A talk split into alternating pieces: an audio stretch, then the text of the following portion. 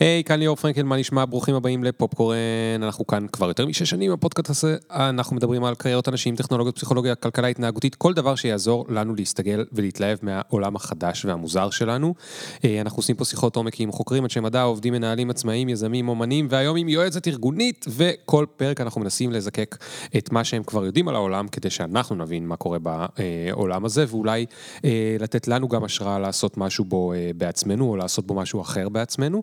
והיום נדבר על ייעוץ ארגוני, ועל למה בכלל ארגונים צריכים ייעוץ, ומי זה הישות הזאת שקוראים לה ארגון, זה הרי לא בן אדם, נכון? מה זה קירות ועציצים שצריכים ייעוץ, זה חשבון בנק שצריך ייעוץ, מה זה הדבר הזה? נדבר על איך ארגונים נולדים, ואיך הם צומחים. מה זה ארגון צומח, כל ארגון רוצה לצמוח הרי, ועל אה, אולי בניית צוותי הנהלה, ואולי נספיק לדבר על שמחה בעבודה, וננסה להבין גם מה עושים היועצים הארגוניים כל היום, ו... האורחת המכובדת שלנו הבטיחה לי שאפילו נדבר על הטנטרום של הארגון הצומח, ואני כבר מת לדעת מה זה. אה, נראה לי אפילו שנתחיל מזה, כי זה נשמע יותר מדי טוב, אבל בשביל כל זה הבאנו את כנרת רוזנבלום, יועצת ארגונית וסופרת, היא נשואה ואימא לשתי בנות, והיא מומחית לפיתוח מנהיגות, והיא מייעצת ליזמים ומנכ"לים וצוותי הנהלה, בעיקר בארגונים צומחים. יש לה גם שני בלוגים, אחד נקרא פריזאית ואחד נקרא רווחים, שעוסק במנהיגות, ייעוץ ופיתוח אה, ארגוני. הפריזאית לא עוסק במנהיגות, ייעוץ ופיתוח ארגוני, אלא אם אתם נוסעים לפריז אי פעם, אתם כנראה הכרתם את הבלוג הזה. אה, היא גם מחברת הספרים בנות וסיפור האבות שיצאו בהוצאת כתר, ושוקדת במרץ על הספר השלישי שיצא עוד מעט.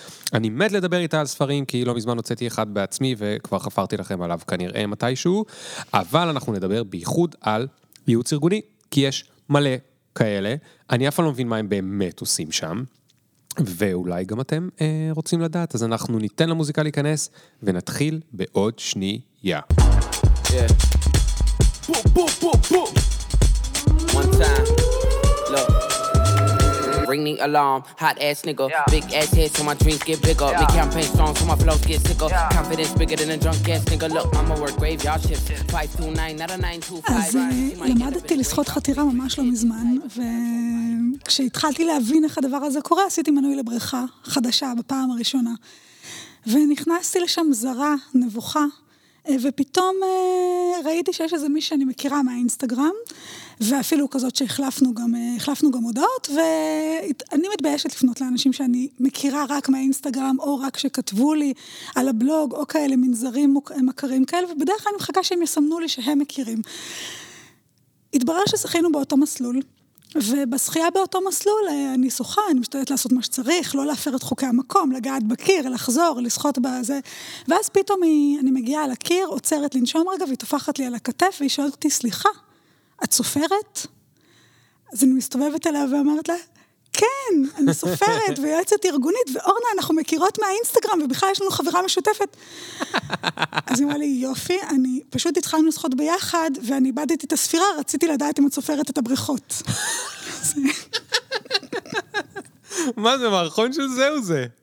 oh my god, oh wow. כל הכבוד על ה... שסיפרת לנו את ה... כאילו... איך... אה, זה אורנה שאנחנו מכירים? לא, היא לא אורנה גם סופרת אה, כלשהי, אה, או כותבת ביקורות על ספרים ידועה מ... את יודעת על מי לדבר? לא. לא חשוב, נדבר על זה אחרת. היא שוחה בבריכה אחרת, אבל אותה אני מכירה אוקיי, באמת. אוקיי, אם זאת אוקיי, האורנה הזאת, אז אותה אני מכירה באמת. אוקיי, אז תגידי רגע, חוץ מלכתוב ספרים שזה משהו די מגניב שאת עושה, שגם קשור לבלוג שלך של הפריזאית, ואני מבין שכש... נולדת אז נולדת פעמיים ואת עושה בו זמנית שני דברים שהם כביכול שונים אבל מי שבפודקאסט הזה או מקשיב לפודקאסט הזה נשמע לו ממש ממש ממש הגיוני. וסביר. אבל אני רוצה לדבר איתך על ייעוץ ארגוני. מה זה הדבר הזה? מה אתם עושים שם כל היום? ואין לי שום בעיה שאנחנו נתחיל ישר מהטנטרום. מה זה הטנטרום של הארגון הצומח? מה זה? אוקיי. מי זה הארגון הזה שדופק על הרצפה? שדופק על הרצפה ורוקע בכל ה... הבת שלך, אם אפשר להיות אישיים, היא כבר לא בת שנתיים, נכון? שלוש וחצי. אוקיי, אז זה לא רחוק ממך הגיל הזה. רגע, רגע, זה אמור להגיע כאילו? אה, זה לא קרה לכם מעולם? לא. טנטרומים? לא. פחדתי שתגידי לי שתכף זה הולך לקרות. לא, לא, זה אמור לא, לא. לקרות בערך בגיל שנתיים. אה, לא. אז אתה צריך לבדוק מה לא בסדר, נכון, נכון.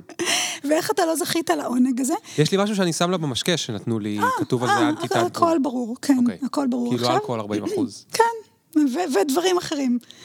אמ, הארגון הצומח, אמ, ארגון, ארגון שהוא בדרך כלל מתחיל נורא פרא, הוא מתחיל בצורה אינטואיטיבית עם המון תשוקה והמון חשק, ועם יזם או יזמים ש, שבאים ועושים את הדבר שהם נורא רוצים, נורא נורא אוהבים, יודעים חלקים רבים ממנו, ומתחילים הכי מהר שהם יכולים ומגבירים משם. ואז הארגון אה, מתפתח ומשיג או לקוחות, או, או מפתח את המוצר, או טכנולוגיות, וכולם עושים הכל ועובדים נורא נורא קשה, וכנראה הדבר הזה יש לו, כנראה שהוא בר קיימא, כי הוא ממשיך ומתפתח. ואז אה, פתאום אה, מתחילים קשיים, או שיש האטה, או שיש תשישות גדולה, או שיש המון המון תקלות אה, ומתבטאות ב- ב- בכל מיני אופנים, כמו לקוחות לא מרוצים, או המון תקלות אה, במוצר, או אה, יחסים, המון פעמים זה ביחסים בין האנשים, ובכל מקרה המייסדים, היזמים, מי שבדרך כלל אני עובדת איתם, מרגישים באופן ברור, אחד, שהם צריכים עזרה, ואם הם יודעים להגיד משהו יותר מהדבר הזה, זה המון פעמים קשור לזה שהם לא מצליחים ביומיום שלהם לעסוק במה שחשוב, אלא הם מכבים שריפות כל הזמן, וכל הזמן מצילים, מצילים את הכדורים כמו מריו מהמשחק מחשב הזה, כאילו רק מצילים דברים, ולא מצליחים לעשות את הדבר שהם מרגישים שלשמו הם קמו בבוקר, וזה מאוד מאוד ידוע, וגם זה שזה מאוד ידוע, זה לא אומר שזה לא מאוד כואב, וגם מאוד מסוכן לארגון. ואז הארגון, אם אה, הוא מוצא, מוצא דרכים להתמודד, שאחת מהן זה לקחת, אה, לקחת יועץ או יועצת ארגונית, ובאמת לשבת ולדבר, על לשבת ולדבר ולהבין מה המקורות של, ה, של הקושי הזה. אה, וגם איך אפשר לפתור את ה... וגם איך אפשר לפתור או להתפתח באזורים האלה. ואז, ואולי תכף נדבר איך אפשר לעזור, אבל אז קורה, אני עושה קצת fast forward קדימה, דווקא אחרי שמדברים עם יועץ או יועצת, ופתאום יש איזושהי, מישהו מבין אותך, ומישהו רץ איתך קצת, וגם נמצא איתך במקומות שבהם קשה לך אפילו עם האנשים הכי קרובים שלך, ומוכן להקשיב, ל, לח, מוכן להקשיב ב, ב, אולי בחמלה, בהבנה, ואולי גם עם איזשהו מרץ, אה, לעייפות ולספקות ול, אה, ולהרהורי הכפירה ולשאיפות ולדברים האלה. ומתחילים לעבוד ומזהים פתאום את הבעיות וגם את הפוטנציאלים. והארגון מתחיל לעלות איזושהי דרך שהיא צומחת, זאת אומרת, זה כבר לא אותו פרא אדם ש... שבועט לכל הכיוונים ו... ויודע לרוץ הכי מהר שהוא יכול ולראות לכל הכיוונים, אלא הוא מתחיל כאילו להבין איך זה להיות ארגון. אבל אז קורה משהו שהוא די אה, קשה. אז יושבת כבר הנהלה, אם כבר נבנית הנהלה בשלב הזה, ומסתכלת ומזהה את כל המקומות שבהם יש לה פערים. אין לה, סתם, שירות לקוחות טוב, כן. חסר לה דרג ניהולי. אין לה איש פיננסים חזק, היא לא יודעת בכלל נניח לגבות התחייבויות מלקוחות, היא, היא לא יודעת לעשות QA, היא לא יודעת לגדל אנשים מסוג כזה או אחר, היא, יש לה בעיה של נטישה חזקה. והם מדברים סוף סוף, אז הם יודעים לזהות את כל האזורים האלה, ו, ואז נוצר חשק מסוג חדש להתפתחות. ואז זה כמו שילד... רגע, להתפתחות, זאת אומרת, אה, זיהינו את כל הפערים, אוקיי, יאללה, בוא נתקן את הכל. כן. אוקיי, עד כאן נשמע טוב. נכון? נשמע אני מעולה. לא מצליח לדמיין את הטנטרום. נשמע מעולה. כן. אבל זה כמו שילד, כל עוד הוא תינוק קטן וכולם מזינים אותו ונותנים לו את הכל, התינוק הזה, הוא, הצרכים שלו די מסופקים, הוא יכול מקסימום לבכות או להיות רגוע, זה, אלה האפשרויות שלו, אבל פתאום הוא מגלה שיש לו אפשרות ללכת, אז הוא מתחיל לנסות ללכת. והוא רוצה, הוא, הוא מבין כבר שיש דבר כזה כמו דיבור, הוא מתחיל לנסות לדבר, אבל לוקח זמן עד שהוא ממש הולך וממש מדבר, והוא כל הזמן נופל. והוא נופל על הפרצוף, והוא נופל על הטוסיק, והוא אומר דברים ואף אחד לא מבין, אומרים לו את זה, וכולם אומרים, אוי, איזה חמוד, אמרת את זה, אבל הוא לא רוצה שיגידו שהוא חמוד, הוא רוצה שייתנו לו את זה. זה מה שהוא רוצה, וזה שלב בדרך כלל מאוד מאוד מתסכל לילדים ולהוריהם, דווקא בגלל ש, שהושט היד וגע בם, כאילו האפשרות ללכת, האפשרות לדבר היא כמעט בהישג ידם, אבל לא, ושם יש... חלק של תסכול שהוא אפילו יותר גדול מאשר שלא ידעת בכלל שאפשר להגיד בואו נפתח הנהלת ביניים. כן. למשל. ואז יש שלב כזה שהארגון נורא נורא מכה על חטא, הוא אומר, אין לנו את זה ואין לנו את זה, ולעולם זה, וככה וככה וככה, ויש שלב אה, שעלול להיות כמעט שלב של ייאוש. עכשיו, זה גם השלב שאחרי הספרינט הראשוני, אז זה כמעט מסוכן ב, באזור הזה. וזה שלב בעיניי נורא נורא מעניין של יזמים ושל של ההנהלה של הארגון. כמה יכולה להגיד, נכון, זיהינו. אלה הבעיות שלנו, ואת זה יהיה לנו מאוד מאוד קשה לפתור, ובזה אנחנו בצעד ראשון ושני, אבל החמישי רחוק מאיתנו מאוד, אבל חייבים להחזיק גם את היש, זאת אומרת, מה שהם כבר, אה, מה שהם כבר השיגו. את ההתקדמויות שלהם, לזכור מה כישורי הליבה שלהם, להיזכר בזיק שאיתו הם התחילו את הדרך. Mm. והמון פעמים, אחרי שנה, שנתיים של, אה, של ריצה ושל הקמה, או, ב, או בחלקים דווקא שהם של קפיצת גדילה, הם חלקים מאוד מאוד קשים, וצריך אה, להחזיק איזושהי, אה, נגיד, בהירות בראייה ואופטימיות ועיקשות שהקשיים יטופלו כמה שיטופלו. אבל mm. שיש המון המון דברים שכבר הושגו, ושאסור שהקשיים יתסכלו ו... וימנעו את הצמיחה. לא להסתכל מאוד אז... מאוד על מה ששלילי כל הזמן. אוקיי, אז, אז אני הבנתי, אבל לא עד הסוף למה, mm-hmm. כי זה מחבר לאחת השאלות שעשיתי בהקדמה. מי הוא הארגון? זה המנכ"ל מנכ"לית שמדברים כנרת ואומרים לה, בואי תעזרי לנו, אה, תייעצי לנו איך להצמיח את הארגון? Mm-hmm. מי זה הארגון הזה? מה זה היצור הזה? שאלה מעולה. בעיניי הארגון, הארגון הוא ישות פיקטיבית. הוא ישות שהמצאנו, לפעמים כתובה בניירות, לפעמים היא לא כתובה בניירות. הארגון הוא ישות פיקטיבית, הוא המצאה של, אה, כמו קהילה אגב, נכון? קהילות אתה מכיר. Mm-hmm. גם קהילה היא ישות פיקטיבית. כן. במידה, במידה רבה שאליה, שכאילו שצריך לפמפם אותה ולהזרים אליה חיים ולראות איך מודדים את ה... האם זה במספר המשתתפים, האם זה במספר, במספר התגובות. הארגון הוא, הוא, הוא ישות, ואני אני, בתפיסת התפקיד שלי עובדת כן עם המנהלים, אבל עובדת גם עם הארגון ועוזרת למנהלים לראות גם את ה... הפרדה אולי אפילו, את ההבחנה בינם לבין הארגון. זאת אומרת, אם אה, נפוליאון אה, אמר שהמדינה, המדינה זה אני, רצוי להם ליזמים לא לחשוב, ולמנכ"לים לא לחשוב שהארגון זה הם, כי הארגון גדול מהם, ו... והוא לא משקף אותם במאה אחוז, וגם הם לא משקפים אותו במאה אחוז, יש להם נקודות עיוורון רבות מאוד ותמיד יהיו, ואגב, גם צריכות להיות, כי אם הם יראו את כל הדברים, אפרופו הטנטרום של קודם, mm. יהיה להם נורא נורא קשה לרוץ קדימה. כן. אז, אז כשאת אומרת שהארגון הוא בטנטרום, mm-hmm. מה זה אומר? ההנהלה הבכירה, או העובדים שפתאום יש איזשהו שינוי שמנסים לה, לה, להעביר להם, או במקרה הרע לכפות עליהם, והם מתנגדים אליו, או מה זאת אומרת, או, או כל דבר כזה, או, או, או הלקוחות, או כאילו... זה, זה, זה יכול להופיע בכל מיני מופעים. בעיניי חשוב לראות את התסכול שמגיע עם צמיחה. זאת אומרת, אה, כאבי גדילה זה דבר שמאוד אה, מבלבל, כי הוא המון פעמים מאוד כואב והוא גם מסכן, אבל הוא הרבה פעמים ביטוי לצמיחה. אוקיי, okay, זאת אומרת, את אומרת, מה שאת אומרת זה, זה הולך לקרות, זה given, mm-hmm. לא צריך כל כך להתרגש מזה, זה קרה לכולם, זה יקרה לכולם, זה ממש לא רק אצלכם. חוץ מלנור.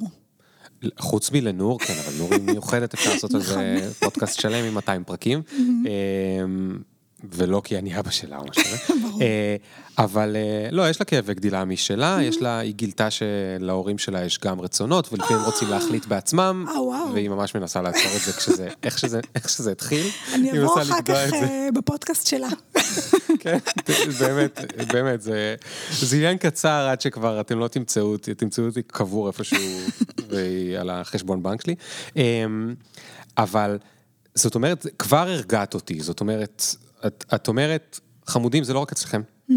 זה קורה אצל כולם, ואפשר uh, לטפל בזה, אבל עכשיו נכנס העניין של היועצת או יועץ. מה ההסבר שלכם, סליחה על השאלה מה eighties, שרוב היועצים הארגוניים זה יועצות? אה, אני לא בטוחה שזה נכון עדיין, או בכלל, כן? החזרת לי עם תשובה מה nineties. אה, אה, רוב מי שאני מכיר. באמת? כן, לפחות... אני שמח לשמוע שאני טועה, כן? זאת אומרת... אני, לא- אני לא יודעת שאם אתה טועה, אני יכולה להגיד שמבנית, רוב בעלי חברות הייעוץ הם אכן גברים. Hmm. חברות הייעוץ, אבל לא היועצים עצמם. בעלי חברות הייעוץ הם גברים, חוץ מממש, כן. פעם, פעם ניסיתי לחפש אותם, ממש אפשר, אפשר לספור על אני חושבת שחצי כף יד, אה, מה שייך לנשים ו- ושותפות, אולי קצת, אה, קצת יותר. כיועצים ויועצות אני לא יודעת להגיד אם זה, אם זה יותר נשי, אבל מה, אתה רוצה להגיד... אה? לא. לא, זו סתם הייתה שאלה שהסתבכה לה, ואז נמשיך השאלה הבאה, אבל לא, כדי להוכיח שאני מהאייטיז. כשעכשיו היועצת, אני רציתי לדעת באיזה... אני יכולה, אני רציתי לדעת אם- האם אבל אם לדבר... אתה רוצה, אני יכולה אני להגיד רציתי על לדעת זה. האם לדבר בזכר ובנקבה. לא, לא, לא, לא. אני לא חושבת שזה רק אה, נקבי, אבל אני כן יכולה להגיד שיש בעיניי כן שאלה מעניינת, מכיוון שהעולם הניהולי והיזמי הוא ברובו אה, עדיין אה, גברי, יש שאלה כן גדולה, אני חושבת, של, אה, של איזה קול עוד מכניסים, אה, מזמינים לשולחן. כן. זה לא אומר ש, אה, שיועצת נשית תייעץ דווקא בקול מסוים, אבל אני חושבת שזו, כן. ש, שבלי ספק החלקים התמיכתיים והמכילים וזה וזה יכולים להיות גם באזורים הנשיים, כן. אבל ממש לאו מצד דווקא. אחד, ומצד שני זה יכול להיות גם בחלק הפחות נעים של, ה, של הסיפור של עכשיו אני צריך לקבל עצה ממנה, ומה היא מבינה. היא לא פתחה חברה כמוני, ואני נכון. כזה גדול וגוברי ושעיר נכון. ו... נכון, ורחב. נכון. או אני לא, אבל נגיד שהייתי... אבל אולי הם. אבל אולי הם. נכון. אמ, נכון, שאלת כאילו, אבל those עזבי who רגע... can't, those who can't... אה, בדיוק. אז עזבי כן. רגע נשים גברים. מה, מה הסמכות, באה אתה שואל? מבחוץ, אתה שואל כן. מה, מה הסמכות? כן, כאילו, את באה מבחוץ, למה? וכאילו, מה- כאילו, למה מה את, שאנשים, אה, מה את, אני אומר בכוונה, כן, בגועל. מה את מבינה? כאילו, זו כאילו, שאלה- לא זו באמת, ש- אני חושב שאת מבינה, אבל אני רוצה שתעזרי לי. זו, זו, זו, שאלה, זו שאלה מעולה, ואני כל הזמן אה, מחפשת את, ה, את התשובות לה, וגם אני חייבת לומר שאלה שאלות שאני שואלת גם את האנשים שבאים להתייעץ, זאת אומרת, במה הם צריכים להתייעץ. כן. אם רוצים להיות נורא פורמליים, אני ספציפית מבינה במנהיגות, אה, למדתי פסיכולוגיה וסוציולוגיה, אז אני מכירה גם תהליכים בין אישיים וגם תהליכים תוך אישיים, ואני מבינה בתהליכי שינוי וגם בתהליך, בהנחיה. זאת אומרת שאני יכולה לעזור אה, גם להנהלה, לעבוד, אה, לעבוד אה, טוב יותר יחד במפגשים, כי אני יודעת להנחות את המפגשים, ו... וזה, אני חושבת שזה לא רק, זה לא בסיס הסמכות היחידי, זאת אומרת, עם השנים למשל, מתוקף הניסיון, עצם העובדה שאני עובדת בארגונים מאוד שונים זה מזה, כן.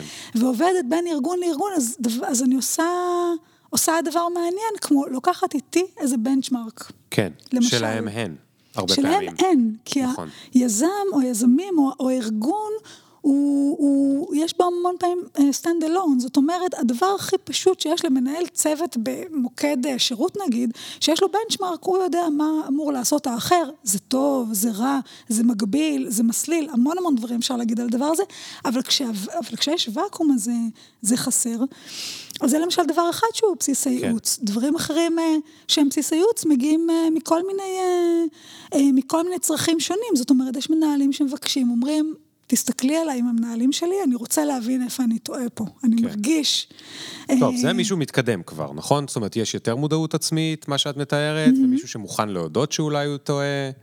נכון, אבל יש לזה, נכון, אבל לאותה שאלה יש המון פעמים גרסאות מוקדמות, כמו נכנסנו לדרך הזאת והיינו כולנו ביחד, ועכשיו אנחנו, אם להיות מנומסים, לא סובלים אחד את השני, למשל. זאת אומרת, הנקודת ואז, מפגש... ואז, הסימפטום, ואז זה נורא סימפטומטי, זאת אומרת, מגיעים מהסימפטום ומחפשים ביחד לא רק מה השורשים, אלא גם מה הפוטנציאל, אה, מה התרופות האפשריות.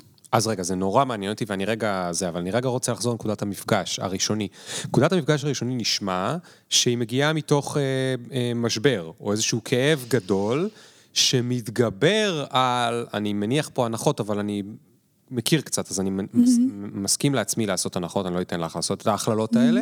מתגבר על מה היא מבינה, מה היא יודעת. אני אומר, גם בתור יזם שהיה בחברות שלקחו יועצ, יועצות ארגוניות, כאילו, המשבר או הכאב יותר גדול מהאגו שלנו, של כאילו, מה היא תדע לעזור לנו, היא הרי לא מכירה את כל ה-DNA ואת כל הדברים, אבל כשהמשבר או הכאב הוא יותר גדול כבר מזה, וכי, כבר פתאום... וקיבלת המלצות מצוינות. לא, זה בסדר, זה כן. בכל אופן בעל מקצוע, אני רוצה. אבל, אה, אז, אז זה מגיע משם, זה, וזה לא מגיע... ואגב, את חושבת שהיה ראוי, או בעולם דמיוני היה כדאי שזה יגיע כמה שלבים אחורה? זה בהחלט גם קורה, זה לא רק בעולם דמיוני. זאת אומרת, זה נכון שזה יצא הרבה פעמים מאנשים שחוו בסיבוב קודם אה, ייעוץ, כשהם מקימים משהו חדש, ו- וזה היה להם טוב, וזה היה להם משמעותי, אז אני, אני כבר ישבתי עם יזמים, עם ארבעה, עם ארבעה שותפים, עם whiteboard בחדר. זאת אומרת, זה לאו דווקא קורה בשלב, ה- בשלב הכאב, או כמו שפעם מישהו כתב לי, שאלתי, כן, אני, זאת, זאת אני, מה, מה, במה אפשר לעזור? אז הוא כתב לי, אני צריך פיתוח, אני צריך uh, פיתוח מנהיגות. זאת אומרת, זה כן גם לראות, וזה כן גם קשור לעניין דורי, אפרופו שדיברת על 80's ו-90's וזה. יש אה, אנשים ואנשים עם יותר יכולת אה, להתייעץ ולהיעזר ויותר צורך לשתף, ולכן כל אחד פוגש את ה... את ה מזמין את הייעוץ פנימה בנקודה אחרת. כן. וזו שאלה, שאלת המפגש הייעוצי נורא נורא מעניינת מתוך המקום הזה. כן. אז עכשיו פנה אלייך מישהו, מישהי פנו אלייך, וזה יכול להיות מי שלמעלה, או מי שבאמצע, או מי שמהצד, או מי שממשאבי אנוש, פנו אלייך וזה. ואז עכשיו בוא נדמיין שאת, כמו אני אמרת, סימפטומים ורות קוז, ואני אוהב את האנלוגיה הזאת, mm-hmm. כי אני הלכתי לרופאים בחיי, אז אני יכול נגיד להיצמד לאנלוגיה הזאת, ועכשיו אני מגיע, והרופאה תמיד בודקת לי אה, אה, קודם כל דופק וריאות, וזה לראות שאין לי דלקת ריאות ושאין לי דברים, מסתכלת לי בעיניים, שמה לי מקל בזה. אז כיועצת ארגונית, מה הדברים הראשונים האלה שאת עושה כדי to assess, כאילו, what's going on? אוקיי. Okay. עכשיו אני פה הולכת טיפה למשוך את השטיח ש... שפרסנו לפני שנייה. כן. כי יש uh, אחת ההבחנות המאוד יפות, ממש בקלאסיקה של הייעוץ הארגוני, של תיאורטיקאי נהדר בשם שיין, זה בין uh, יחסי ייעוץ מסוגים שונים. אוקיי. זאת אומרת, כשאתה בא לרופא, אז אתה רוצה שהוא ייתן לך תשובה. הוא, יותר מתשובה, הוא ייתן לך את המרשם, ואם אי אפשר להשיג את התרופה, אז uh, בבקשה שגם אגיד לך איפה להשיג את התרופה. כן, ואילו... עוד היום. כן, בדחיפות. ואילו ביחסי ייעוץ מהסוג, ה... אה, מסוג הייעוץ הארגוני שממנו אני מגיעה, שזה סוג של ייעוץ ארגוני שהוא דינמי והוליסטי, זאת אומרת, מסתכל גם על הארגון כשלם, ומסתכל על, ה... על המתייעץ אה, כפרטנר הדדי.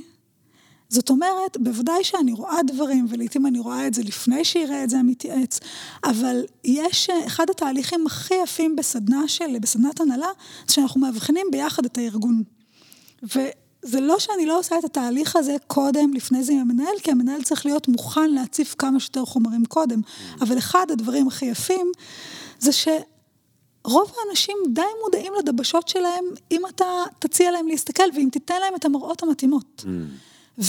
ויותר מזה, ברור שאף אחד מאיתנו לא מודע, דיברנו קודם על אזורי עיוורון, אנחנו לא יכולים להיות מודעים לכל הדבשות שלנו, אבל בכל מקרה אנחנו לא יכולים לטפל בכל הדבשות שלנו. אז כשאני אהיה מודעת לדבשת שלי, או, כש, או כשכצוות אני אסתכל ואנחנו ביחד נגיע לסיכום שמבין כל הדברים שהבחנו, זה הדבר הכי קריטי. זאת אומרת, הכי, הכי חשוב לטפל בו, אבל גם הכי זה שאפשר לטפל בו, שזה, שזה בדיוק הדבר הזה, זאת אומרת... אה, אה, המפגש בין מה שהכי חשוב לטפל בו לבין מה שאפשר לטפל בו. Mm. אז אם אני מגיעה למסקנה הזאת כחברת, אה, כחברת צוות, הרבה הרבה יותר קל לי אחר כך כן, uh, כן. להסכים על מה הפתרונות ו- ולעשות את מה שצריך כדי לקבל את הדבר הזה. זאת כן. אומרת, המון פעמים כיועצת, אני לא מביאה ולא אומרת, תשמע, תלך לקרן הזאת ותגייס את הכסף, כי הם, אה, תאמין לי, זה יהיה כן. בסדר, תפנה לא, לשוק רגע, הזה. אז, אז אני מסכים שהאנלוגיה היא לא דומה. אבל אני כן נותנת להם, אני רוצה להגיד שהייעוץ הרבה פעמים נותן פלטפורמה, נותן מסגרת, שבעצם עוזרת גם לשאול את השאלות וגם לגבש ביחד כן. חלק מהתשובות ותהליכי העבודה. נכון. ואגב, גם אצל רובנו, אם אנחנו, זה לא הגיוני אצל רופא, אבל אם זה היה הגיוני ואני הייתי יודע, מה בעצמי להוציא את הרות קוז וזה, אז הייתי יכול לחיות יותר היום, בריא. כשאתה יודע היום, כי אתה לא מגיע לרופא, אם יש לך בעיה שמעצבנת אותך, אתה לא מגיע אחרי שגיגלת? נכון, נכון, נכון. אבל, אבל השאלה שלי, אז, אז זה ענית לי על השאלה שעוד לא שאלתי, אבל אני רוצה רגע לחזור לשאלה ששאלתי. Okay. כי אוקיי. את היית בהרבה ארגונים, ואת יודעת לבוא ואולי לא לתת אולי לא לתת להם את התשובה, כי, את, כי יש ערך, הסברת, בזה שהם יגיעו לתשובה. אבל יכול להיות שאת בינך לבין עצמך כבר קלטת מה קורה פה, מתוך הניסיון שלה, כי ראית כבר הרבה מטופלים, או חולים, או בריאים. או מתייעצים, כן. מתייעצים. אמ, מה את צריכה לעבור כדי שאת, כאילו, מתי את, מס... או איזה מפגשים, או mm-hmm. אה, אה, לא רוצה להכניס מילים בכוונה, mm-hmm. כי אני לא יודע מה זה יהיה, mm-hmm. עם הארגון, כדי שתגיעי למקום הזה של ה... נראה לי שאני יודעת מה קורה פה. או אפילו אם זה ב-70 אחוז, אני... אני, אוקיי. אז, אז, אז קודם כל דווקא אני משתדלת להיות ב-70 אחוז, כי מאוד מאוד חשוב שאני לא אכפה את, אה, את התפיסות שלי על הארגון. זאת אומרת, יש תפיסה אה, גם בטיפול היום. אני חושבת שאפילו בחלק, מה, אפילו הרפואה קצת, אה, קצת הולכת לכיוונים האלה, שהמתייעץ יודע המון על עצמו. אה, גם אה, פסיכולוגיה גל שלישי, זאת אומרת, זה מתחיל ויותר תופס, ואני מאוד מזדהה עם המקומות האלה, בכלל, בכלל בלי לוותר בגרם על כמה שאני יודעת. אני מרגישה שאני יודעת המון היום על המון דברים, אבל שה, שה, שהדיאלוג הוא מאוד מאוד משמעותי, גם משמעותי לי. אז קודם כל אני משתדלת דווקא לא להגיע נעולה לחלוטין. אבל אני שומעת את, ה, את המנהל. ואני רואה אותו, אחד הדברים הכי הכי יפים בעיניי, בכלל במפגשים, ואולי זה גם ח... אה, שייך גם לחלקים אפילו הספרותיים, שאני יכולה לשמוע מה המנהל מביא, ובוודאי שכשיש אה, צוות, יכולה לשמוע איזה דברים הם מביאים, אבל אני גם יכולה לראות. מה זה אומר לראות? זאת אומרת, כשאני מחכה, אה, כשאני מחכה אה, למנהל ומחוץ אה, ללשכתו, אה, מה שקורה לעיתים רחוקות, כי הרבה פעמים באים אליי למשרד, אבל כשאני מחכה למנהל מחוץ ללשכתו כדימוי, אני רואה מה קורה שם. מי עומדים ומחכים אה, לתשובות שלו, האם עומדים ומחכים לתשובות שלו על שטויות, כמו שקורה בהמון אה, זה, האם הוא סליחה, אני נוגעת לא, כל הזמן. בציוד. זה מוסיף, אה, מוסיף אפקטים. מוסיף חיות? אוקיי. כן. אני- אני יכולה לכמת איזה משהו שזה. את רואה האם מחכים לשטויות? אני, אני רואה, אני רואה האם, האם, מחכה, האם יש, האם, האם בעצם הוא מוצף בהמון המון אנשים שמחכים להמון אישורים שלו, קטנים כגדולים. אוקיי. אני רואה אם השולחן שלו מסודר, אני רואה את החדר שלו, אני יכולה לראות באיזה אופן הוא מגיע, אני יכולה לראות עד כמה הוא מוצף על ידי הטלפון שלו, ואני יכולה לראות, אה, ו- ו- ואני יכולה לראות למשל, אחד הדברים הכי מעניינים זה איך הארגון מסודר. זאת אומרת, הרי זה מלמד אותנו, הפני השטח לארגון, נורא מלמדים אותנו על, על ההיררכיה, על מה חשוב, על, על, איזה, על איזה דברים קורים שם. ואחד הדברים שאני מאוד אוהבת זה למשל אה, ללכת דרך אה, שפה, זאת אומרת, יש כל מיני דברים שדרך הז'רגון, זאת אומרת, מה מבחינתם נחשב ווין. אמ, עד כמה בשפה הם מקדשים את, ה, את הקצוות, אה, את, אה, את, אה, הקצוות? את הניצחונות של הקצה קצה של הקרחון, לעומת למשל מסוגלים להסתכל על תהליכים. מה זה אומר? אה, תסבירי רגע את האחרון. אם את יכולה עם דוגמה, כן, כאילו... כן, אני אתן דוגמה. למשל, אחד הדברים שהם, אה, שאנשי מכירות טובים, שמנהלי מכירות טובים, למשל, נורא יודעים לעשות, זה לא רק להסתכל, שנייה, אני רגע אקח רוורס, מכירות, כאילו, לא צריך בכלל להניע מכירות. מכירות זה נורא נורא ברור, יש לזה, זה מאוד מתגמל את אנשי המכירות, נכון? הם לא יכולים to slack, הם לא יכולים כאילו להתבטל, כי, כן. כי, כי העמלה שלהם מאוד מאוד תלויה בזה. אה, וסגרת, סגרת, לא סגרת, אתה רעב בסוף החודש. ולכאורה זה רק, זה רק החלק שמעל פני המים ומאוד מאוד ברור וגלוי, אבל כל אחד, ש... כולל אנשי מכירות מאוד משוכללים, יודעים ש... שאתה יכול להיות בן אדם נורא כריזמטי ונורא משכנע, ואולי גם יתמזל למזלך והמו- והמוצר שאתה מוכר טוב, אבל בלי שאתה תבנה את המשפך המפורסם הזה, זאת אומרת, יהיה ארגון שידע לפלח נכון את אה, למי המוצר מתאים, ויהיו אנשים שידעו לגשת אליהם, ואתה תגיע כבר לפגישת השיווק שכבר יודעים עליך דברים טובים, כי ה marketing עשה עבודה מאוד מאוד טובה, ואז כשאתה מגיע, אתה מטביע.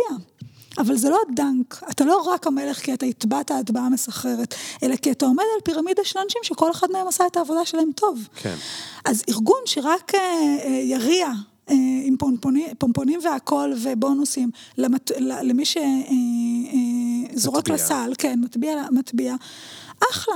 אז יהיו לו אחלה של אנשי מכירות, אבל הם יעמדו על כלום, הם יצטרכו להיות תלויים באוויר כל הזמן, כי לא יהיה בכלל את שאר, ה, את שאר ה, אה, השרשרת הארגונית ותהליכים הארגוניים וידע ארגוני ותשומת לב ארגונית לבכלל איך עוזרים להם לנצח בתוך הדבר הזה. כן. אז זו דוגמה אחת, אבל היא יכולה להיות בהמון דברים. זאת אומרת, יכול להיות שאתה, אה, שארגון, שארגון שיחק אותה ויש לו כמה טאלנטים נהדרים. אחלה, זה מאוד מאוד יפה, זה מאוד מאוד חשוב. אבל מה קורה עם היכולת, עזוב לשמר אותם, אבל לגדל כאלה? זאת אומרת, אם יש לו כמה טאלנטים נהדרים וכולם, שוב, מריעים, אה, מריעים להם, אה, עושים כדברם וזה, זה, זה טוב מאוד, אבל זה מאוד, אה, זה מאוד קצר טווח. כן. זה לא בר זה לא קיימא. סוסטיינבילי. כן. כן, זה לא בר קיימא. אז הארגון צריך להיות כזה שהוא מסתכל על, גם על חלקים שהם, שהם פחות מרעישים כמו ההטבעות במשחק, או הטאלנטים, או כוכבי השביט שעוברים שם, אלא יודע לייצר את הדברים האלה, וזאת עבודה אפורה, אה, בוגרת, כן. איטית. כן. אה, וזה- ו- ו- וצריך לראות האם הארגון יודע אה, לראות את הדברים האלה בכלל ולתגמל אותם ולגדל אותם ולקרוא להם בשמות ו- ולציין אותם וכולי, כאלה דברים. ועם כמה אנשים את צריכה לדבר בארגון לפני שאת יודעת שאת, איך הדברים האלה נראים? יש לי תחושה ש, אה, שדי מהר התמונה הראשונית, התמונה הראשונית נוצרת, ואחד הדברים ש... אחת, אני שואל, אני שני- שנייה, למה כן, למה אני כן. בכלל שואל? כי יש איזשהו bias, יש הטיה. מישהו פנה אלייך ואמר, אה, היי בלשית חוקרת, מטפלת, יש לי פה תעלומה, something is wrong. העניין הוא שהוא סיפר לך את הנרטיב שלו.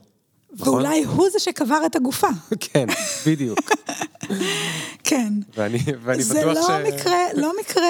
נדיר. לא, לא מקרה נדיר. נכון. כן, זה לא מקרה נדיר. אה, זה חוזר לשאלה הראשונה שלך, מי הלקוח? זאת אומרת, במקרים שבהם המחבל הראשי הוא המנכ"ל, אנחנו... לא שלא היו דברים מעולם, אבל זו בעיה קשה.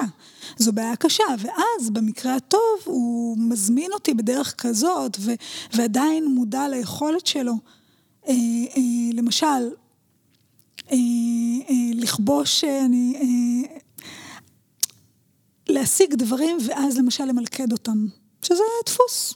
זאת אומרת, אה, מה זה אומר? תני דוגמה. להשיג דברים ולמלכד אותם. לבנות צוות של טאלנטים ולדרוס אותם, Mm, נגיד, אוקיי? איך, דור, אה, איך דורסים טאלנטים? אה, וואו, זה קל נורא. זה קל נורא וכואב. מה, לוקחים להם את הקרדיט?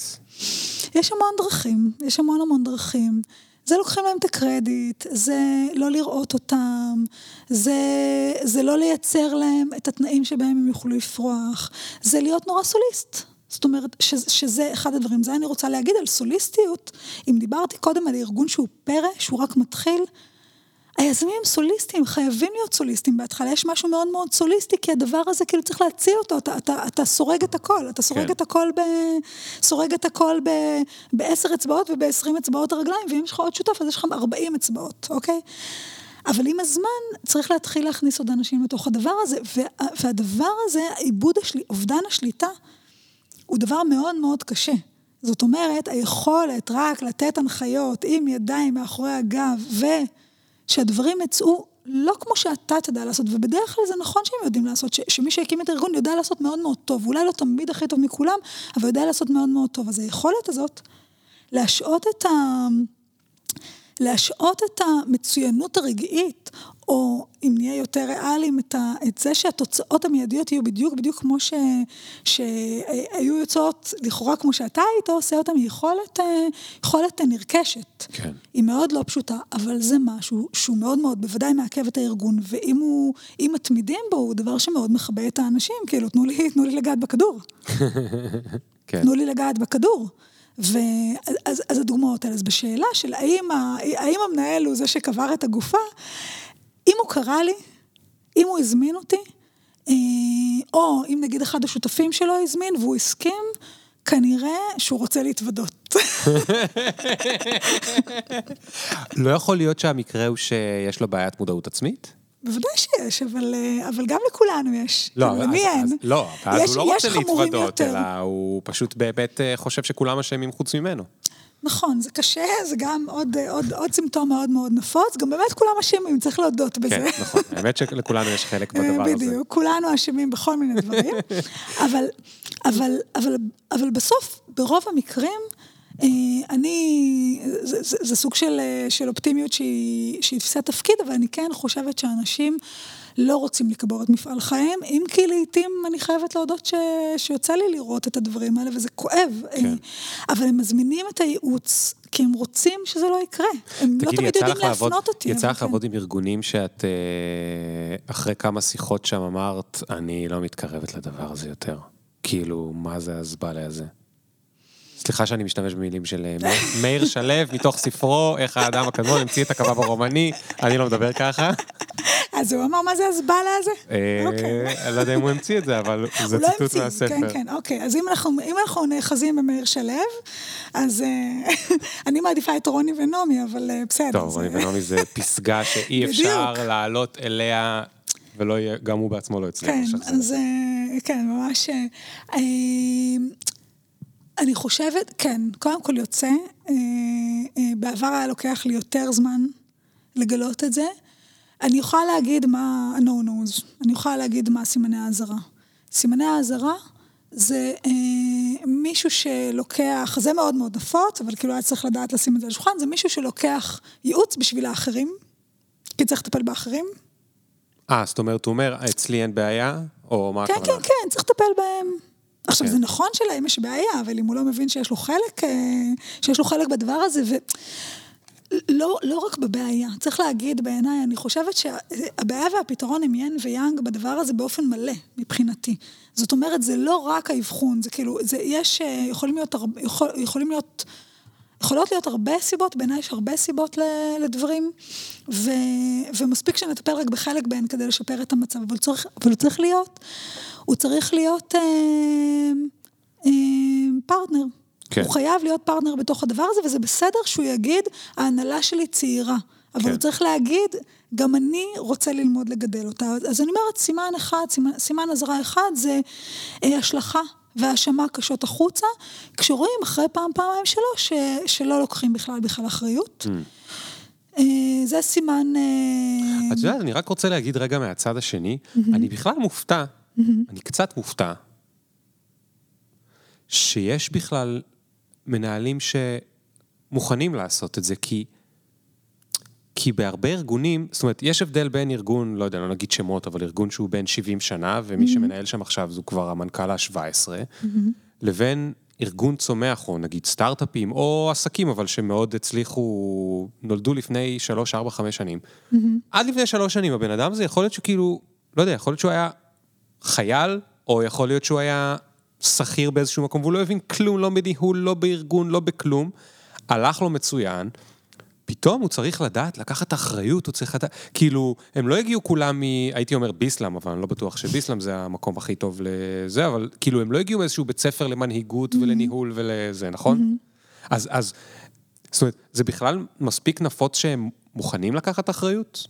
מפתיע אותי לטובה שכן. אני חושבת שמנהיגות זה, אה, זה ממש אינסטינקט בסיסי אצל חלק גדול מהאנשים. לא כולם יש להם את המיומנות, לא, לא לכולם יש את האינסטינקט הזה, ואת זה אפשר לראות מאוד מהר, ממש בגן, אה, בגן, בבית ספר, ב... ממש אפשר לראות את הדבר הזה, כאילו מי לוקח אחריות על מה, סתם כשיש תקלה ברחוב. ב... כן. אז האינסטינקט של לקחת מנהיגות ולפתור, ולפתור בעיות הוא, הוא דבר שקורה כל הזמן. המיומנות נרכשת. עכשיו שוב, יש אנשים, הרי יש אנשים שאתה רואה אותם, הם כריזמטיים, הם יודעים להעמיד את כולם בשלשות כאילו בכלל, אה, אה, והכריזמה הזאת היא, היא, היא, היא אחת המיומנויות, ה... לא מיומנות, היא, היא איזושהי תכונה שאפשר להסתכל עליה בהתפעלות וגם, הרבה פעמים גם להיזהר ממנה. ובאמת, מעטים ניחנו בה באופן כזה שהיא תפתור אותה מכל מיני מיומנויות אחרות, אבל, אבל אני חושבת שמי ש... יש משהו ב, בלמידה הזאת שקורית כשצריך לגייס אנשים ולגייס משקיעים ולגייס לקוחות, שהיא גם כל הזמן נלמדת. זאת אומרת, זה לא כדור שאתה לוקח ואתה, כן, כן. ואתה מקבל את הדבר הזה, אתה לומד אותה על הדרך. ו, ולכן אני חושבת שלרובם יש את זה מאוד, לרובם, לא רק ליזמים, אני חושבת שיש את זה להמון אנשים ב, כן. אה, במקצוע שלהם, בחיים שלהם, בהורות שלהם, הורות, מנהיגות בהורות בעיניי זה דבר מאוד מאוד משמעותי. כן. אה, ו, ואני חושבת שיש שכבה הולכת וגדלה, וזה בכלל לא נדיר כמו, שאתה, כמו שאני חושבת שאתה רואה את הדבר הזה, אה, הולכת וגדלה, שכמו שהיום, אה, אני רוצה רגע לנרמל את הדבר הזה, זה, כמו שהיום אנשים יודעים לעשות כושר מצוין ועדיין מרגישים שמאמן כושר אה, יוכל לעזור להם להתמיד בזה ולשים את זה בפוקוס וגם כדי להתחייב. אה, אז אנשים לוקחים את זה ויותר ויותר, זה ממש לא באיזה מקרים נורא נורא נדירים. כן. זאת אומרת, אם אני רוצה, אה, לא שאלת אותי, אבל אני אגיד לבד, כי זה קשור לזה, למה לבלוג שלי קוראים רווחים? אתה יכול לשאול אותי למה לבלוג שלי קוראים רווחים? כן, אני יכול לשאול אותך משהו אחר לפני? אבל רגע, זה קשור שנייה סתם, לדבר סתם, הזה. סתם. נו, כן, אז אתה למה יכול. לבלוג שלך קוראים רווחים?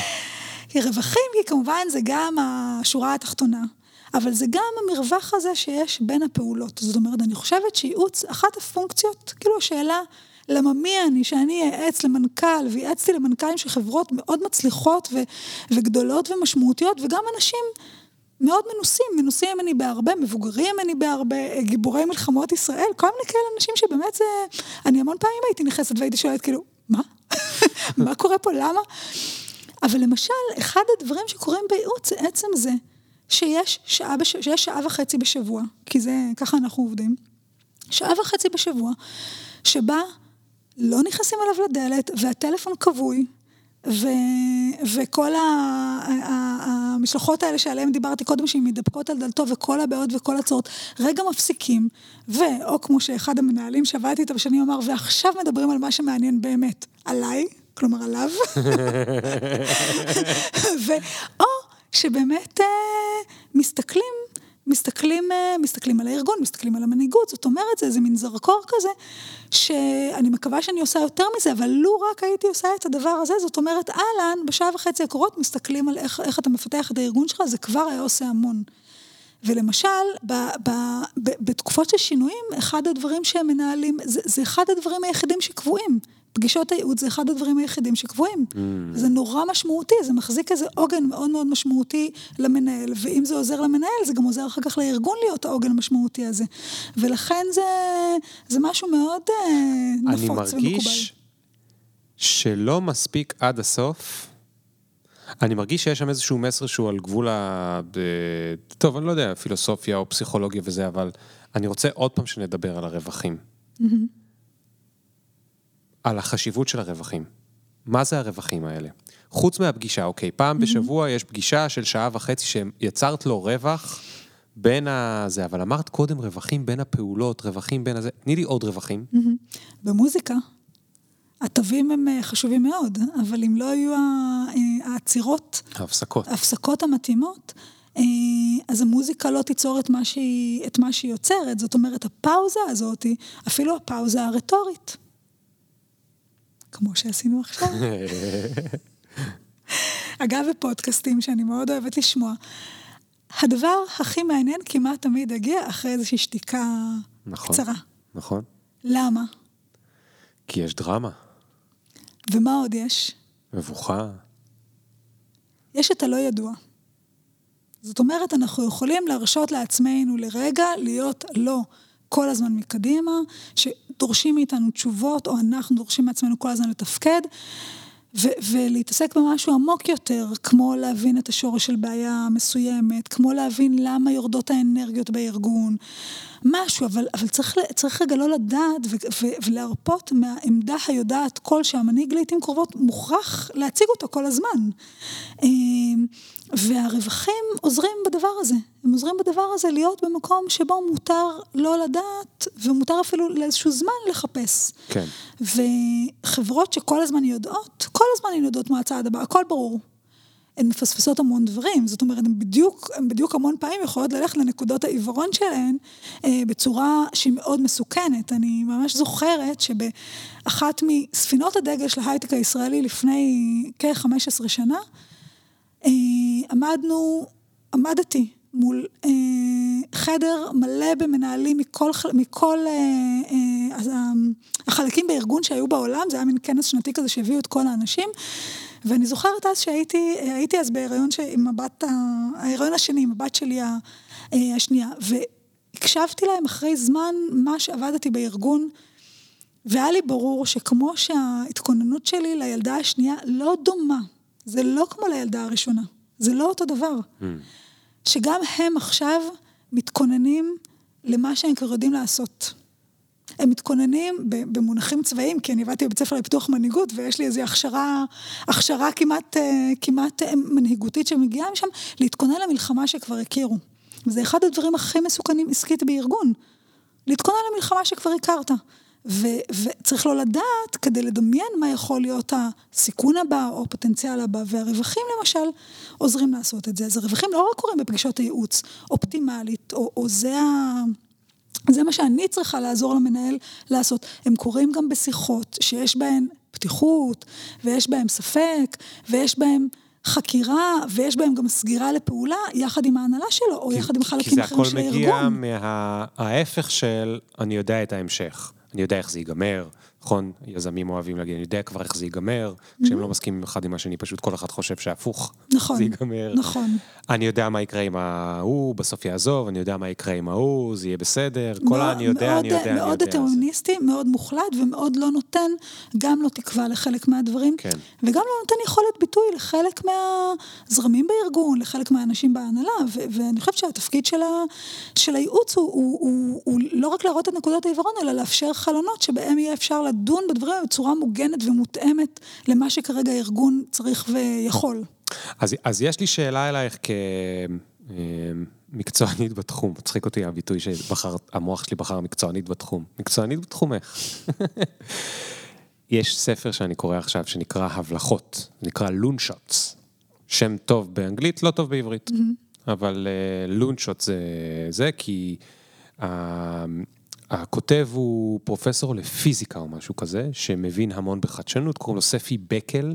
קראתי את הרעיון איתו, ב, לדעתי, או כלכליסט, או ב... מדהים. זה נכון? מדהים. אני לא יודע, לא יודע. אה, לא, לא קראתי את הרעיון איתו, אני, קורא, אני באמצע הספר. עכשיו, קודם כל, הוא מזכיר שם את העניין הזה של, הוא מזכיר איך, הוא מדבר על כמה מלחמות עולם, ראשונה ושנייה וזה, והוא, והוא מזכיר שם איך הצבא שהתכונן למלחמה הקודמת הוא mm-hmm. זה שהפסיד, אה, ודווקא הצבא שניסה להביא חדשנות, אה, זה, והוא מדבר שם על, אה, לא משנה איך מייצרים חדשנות בארגון, זה נורא מעניין, ומודל עם מים וקרח וטמפרטורות אפס, ובו זמנית גם יהיה חדשנות וגם יהיה את האקזקיושן שקורה טה-טה-טה-טה-טה, mm-hmm. אבל יש שם משהו שרציתי to pick your mind. Mm-hmm. הוא אומר, מלא אנשים מדברים על תרבות של ארגון ו-DNA של ארגון. הוא אומר, אני לא יודע מה זה אומר. כאילו, הוא מדען. Mm-hmm. אני לא יודע לשים על זה את האצבע. Mm-hmm. אני יודע מה זה אנשים בארגון, ואני יודע מה זה תהליכים ומערכות. Mm-hmm. את זה אני מבין. אני לא מבין מה זה תרבות ו-DNA, וכל פעם מספרים לי שבארגון הזה יש תרבות מצוינת וזה, אבל אז איכשהו הוא מתרסק, mm-hmm. ובארגון ההוא אין תרבות טובה, ואז איכשהו הולך לו ממש ממש טוב. מה דעתך בנושא? דונו. דונו, מצוין. אז אה, כל מה שיש לי לומר... לא, את חושבת שיש דבר כזה תרבות ארגונית? אני חושבת שזאת לא שאלה נורא נורא חשובה, האם יש דבר כזה או אין דבר כזה. תשימי לב, אבל רגע, אני למה אני כן. מתעקש? כי אני חוזר עדיין לדבר הזה, שהוא מה זה הארגון הזה, ששונה מהאנשים, שזה לא רק האנשים, אלא מה נוצר שם שהוא... שהוא מעבר כן, לאנשים. כן. מה שקורה מעבר לאנשים זה גם כשעוזב האדם שייסד את הארגון, אז נוצרת, אה, נוצרת אה, מסורת. זאת אומרת, למשל, ארגון שאוהב לעשות הכל ברגע האחרון והוא נטען באדרנלין נפלא. ומשקר, ומסמם, ומגיע לתוצאות נהדרות, כי כל הארגון כולו נרתם בכל הגוף שלו ומתכווץ. אה, מתכווץ ונמתח ומגיע להישגים יוצאי דופן כי הוא לא יכול לעבוד בשגרה, גם כשעוזב אותו המייסד שלו, לוקח הרבה מאוד זמן עד שהדבר הזה יוצא מהסיסטם. Mm. כי אנחנו מתקשרים את הדבר הזה, וזה נמצא, וזה נמצא גם מאוד בנהלים ובמשאבים, והדברים לא נמצאים. אני, אני, אני זוכרת את ה... אני, אני קראתי באמת את, ה, את הכתבה על... אה, ספי. אה, כן, ואני זוכרת שמאוד לא הסכמתי עם הרבה דברים, אבל אני חושבת ש... אה, חייכתי כש, כשאמרת אין נכון, דבר כזה, או יש דבר כזה, כי חשבתי על זה שבצרפתית יש את ה-je הדבר הזה שאין להגדירו. כאילו, הדבר הזה שאין להגדירו, אז מדברים יותר על שיק או על סטייל או על איזה נחשקות או על איזשהו קסם חמקמק, אפשר לדבר ככה גם על כריזמה. למשל, אחת ההגדרות הכי יפות של כריזמה, זה כריזמה is what כריזמה does. אה? אני תקוע, אני תקוע, אני לא נכון, מצליח לחשוב. נכון, נכון. כי אפשר להגיד לכל מיני אנשים, תעמדו זקוף, ויש את ה... יש ב... אה, יש איזה TED על תחזיקו את הידיים בצורה כזאת שתי דקות לפני שאתם באים, וכאילו אפשר ללמד כל מיני תרגילים, אבל כש... לפעמים כשרואים אנשים והם ממיסים אותך, נו, מה, מה נעשה עם הדבר הזה? ו- ו- ובזה אני אה, אצמד לאילנות אה, ככה מפוקפקים, אבל זה אה, כמו וודי אלן שאמר whatever works. זאת אומרת, מי שיכול, ו- ו- וזה אגב מה שאני רוצה להגיד, אחד הדברים שאני מאוד אוהבת בייעוץ ארגוני. ייעוץ ארגוני מסתכל על הארגון מהמון רובדים. הרובד האישי, והרובד הבין-אישי, והרובד התהליכי, והוא מסתכל על השדה. ועל הפרופסיה, המקצוע נורא נורא מכתיב את מה שקורה בפנים. זאת אומרת, נורא מכתיב המון דברים שאנחנו בכלל מודעים להם. מה זה המקצוע? המקצוע של מי? המקצוע שבו עוסק הארגון. תעשייה או... כן, למשל ארגון שהוא שירותי במהותו, אז תהיה איזו תפיסה פנימית, גם אם לא תגידו את זה, של כאילו איזה שירות אנחנו נותנים למישהו אחר. ארגון שמתעסק נורא בחדשות, ויצא לי לעבוד, יצא לי ויוצא לי לעבוד לא מעט עם, עם גופי תקשורת למשל, אז המיידיות והסנסציוניות, ואז הם חלקים נורא חשובים, הם גם קורים בין האנשים, הם לא רק קורים על המסך. הם קורים בין האנשים, אז הפרופסיה מחלחלת פנימה. ומה שאני רוצה לומר, זה שיש המון המון שכבות, ואפרופו השאלה, האם המנהל ידע להגיד, וואו, איך אני דופק את היחסים שלי עם השותף שלי? אני מקווה שאחרי כמה פגישות הוא יוכל, תהיה לו פתיחות כן. להסתכל על זה, אבל אם לא, יהיה לנו שער אחר לתוך הדבר הזה, כי זה מאוד uh, מרובד, ויהיה אפשר להסתכל על זה למשל דרך התפקידים שלכם, מי עושה מה. כן. או דרך, אה, או דרך איך אתם עובדים עם האנשים שמתחתיכם, או דרך המבנה. נכון. אפשר להסתכל על זה מכל מיני... זה. אז האם קיימת תרבות ארגונית? אז אני יכולה לצטט את פיטר דרוקר שאמר שטכנולוגיה, שתרבות ארגונית אוכלת טכנולוגיה לארוחת בוקר, ואז נהיה מלחמות ציטוטים. זה קצת טיפשי.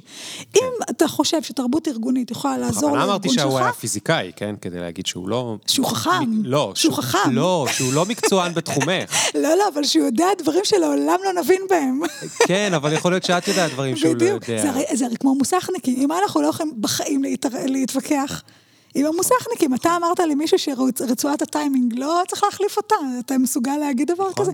אז גם עם הפיזיקאי, אני לא יכולה להתווכח עם הדבר הזה. אני כן אחפש יחד עם הארגון, מה יהיה הדבר שיעבוד בשבילו והוא ירצה להשקיע בו את הזמן ואת האופטימיות. אבל רגע, אבל רגע. עצרתי.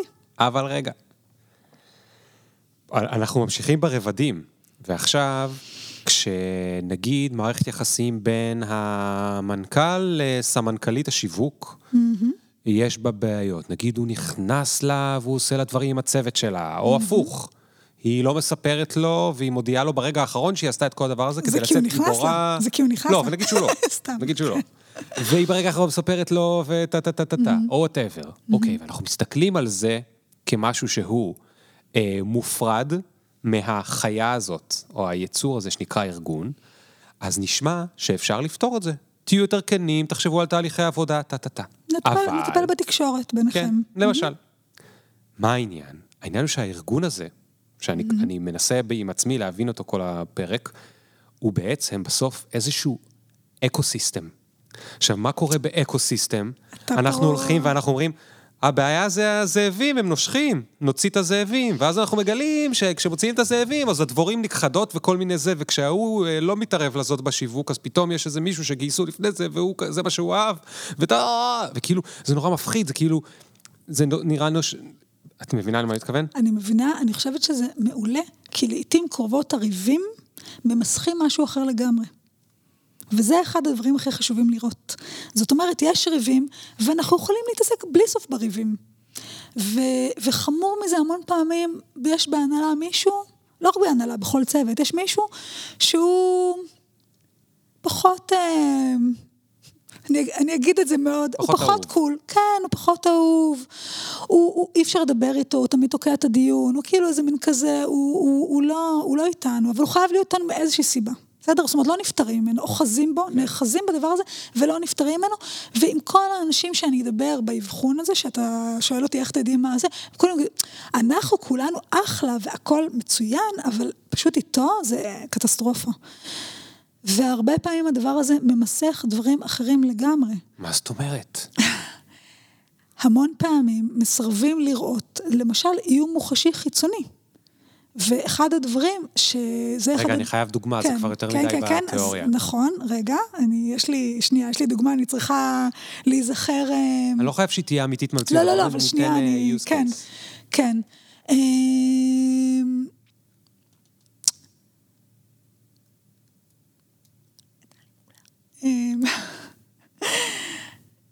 כש, כשהרבה פעמים יש תחרות, אחד הדברים שממש קשה לי לראות כיועצת, ואני מאוד מאוד רוצה, ולעיתים מצליחה, שזה מאוד משמח, להראות את זה לאנשים, שהם מתעסקים מאוד בריבים, כי החברה המתחרה, התחרות המרכזית שלהם מאוד מאוד מתחזקת ומאיימת עליהם. לאו דווקא בריבים, יכולים להתעסק גם בדברים אחרים, בבירוקרטיה, בכל מיני דברים אחרים, וכאילו מתעסקים במשהו כאילו פנימי, איזה מין משהו שהוא, יש לו vibe של התקוטטות. או יש לו vibe של התקטננות, או יש לו vibe אה, אה, בירוקרטי כזה, אה, כשהם לא מוכנים לראות שכרגע יש עליהם אימון אה, איום גדול. Mm. זאת אומרת... זאת אומרת, הם נמנעים מהבעיה האמיתית, כי ממש אין להם מושג מה לעשות איתה. כי היא קצת מפחידה. כאילו, בואו נדבר על... דיברנו לפני שנכנסנו על זה שאנחנו אוהבים print. כן. עכשיו, הפרינט הוא... זה קשה הפרינט. נכון. עולם הפרינט הוא מאוד, אה, הוא, הוא, הוא מאוד מאוד קשה. אה, אני, אני אקח את זה כי לא, דווקא כי לא יעצתי להוצאת ספרים, אז אני אקח את זה כדוגמה, כי אני לא יכולה לדבר על, ה, על הדוגמאות שאיתן אני עובדת בפועל, אבל, אבל אם בתוך הוצאת ספרים התקוטטו, השיווק עם העריכה, והזה עם הזה וזה, כש, כשבפועל הדבר הזה, השוק עצמו הולך... הולך ומתכווץ, הולך ומתכווץ, ממש כאילו כמו ננס, אה, ננס לבן, שזה, אני אומרת את זה כמובן בכאב גדול, בחלקים גם כסופרת וגם כקוראת וגם כמי שאוהבת פשוט נייר ו... אה, ואת הדברים האלה שאני מרגישה שהם, אה, שהם בני קיימא באיזשהו אופן, הם התעסקו מאוד בריבים, שאגב, אנחנו רואים את זה בתחום הספרים, לא בתוך הארגון, אלא בין ארגונים. זאת אומרת, אנחנו רואים את זה בין חנויות הספרים לבין הזה לבין הזה. מה אתם, זה, על מה אתם רבים על מקום בסירה?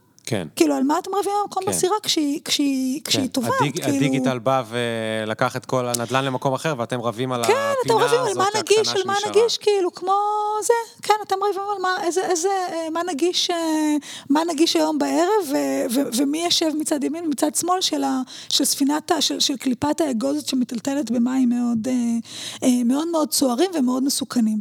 ואז זה דבר שבאמת עדיף להתעסק בריבים עד מחרתיים, אה, כי, כי זה יותר קל מאשר להתעסק במשהו שהוא נראה מפחיד.